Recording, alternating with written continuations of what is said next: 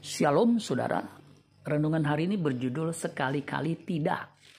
Roma 6 ayat 2 dan 15. Sekali-kali tidak. Bukankah kita telah mati bagi dosa?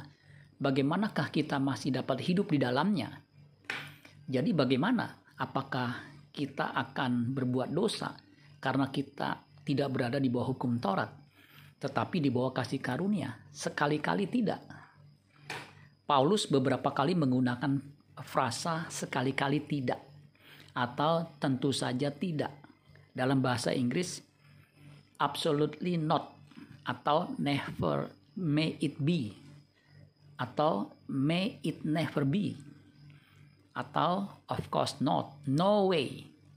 Nah itu yang paling sering adalah no way. Biasanya frasa ini diakhiri dengan tanda seru. Misalnya di terjemahan net. Roma 6 ayat 2 dikatakan absolutely not. How can we who died to sin still live in it? Ayat 15 Roma 6 bahasa Inggrisnya berkata what then? Shall we sin because we are not under law but under grace? Absolutely not. Mengapa Paulus menggunakan frasa yang begitu tegas dan keras? Frasa ini adalah jawaban atas pertanyaan retorika Roma 6 ayat 1. Jika demikian, apakah yang hendak kita katakan?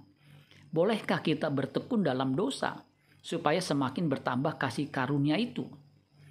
Lihat juga Roma 6 ayat 15-nya. Jadi bagaimana apakah kita akan berbuat dosa? Karena kita tidak berada di bawah hukum Taurat, tetapi di bawah kasih karunia. Sekali-kali tidak. Setiap orang beragama, bahkan yang tidak beragama pun tahu bahwa manusia tidak boleh berbuat yang jahat atau berbuat dosa. Masalahnya, meskipun sudah tahu tidak boleh berbuat dosa atau jahat, tapi tetap saja melakukannya. Paulus pun menyadari hal itu. Di Roma 7 ayat 19 dan 21 dikatakan begini, Sebab bukan apa yang aku kehendaki yaitu yang baik yang aku perbuat, melainkan apa yang tidak aku kehendaki yaitu yang jahat yang aku perbuat. Demikianlah aku dapati hukum ini. Jika aku menghendaki berbuat apa yang baik, yang jahat itu ada padaku. Seandainya saja Adam dan Hawa berani berkata tidak terhadap dosa dengan tegas, maka manusia tidak akan jatuh dalam dosa.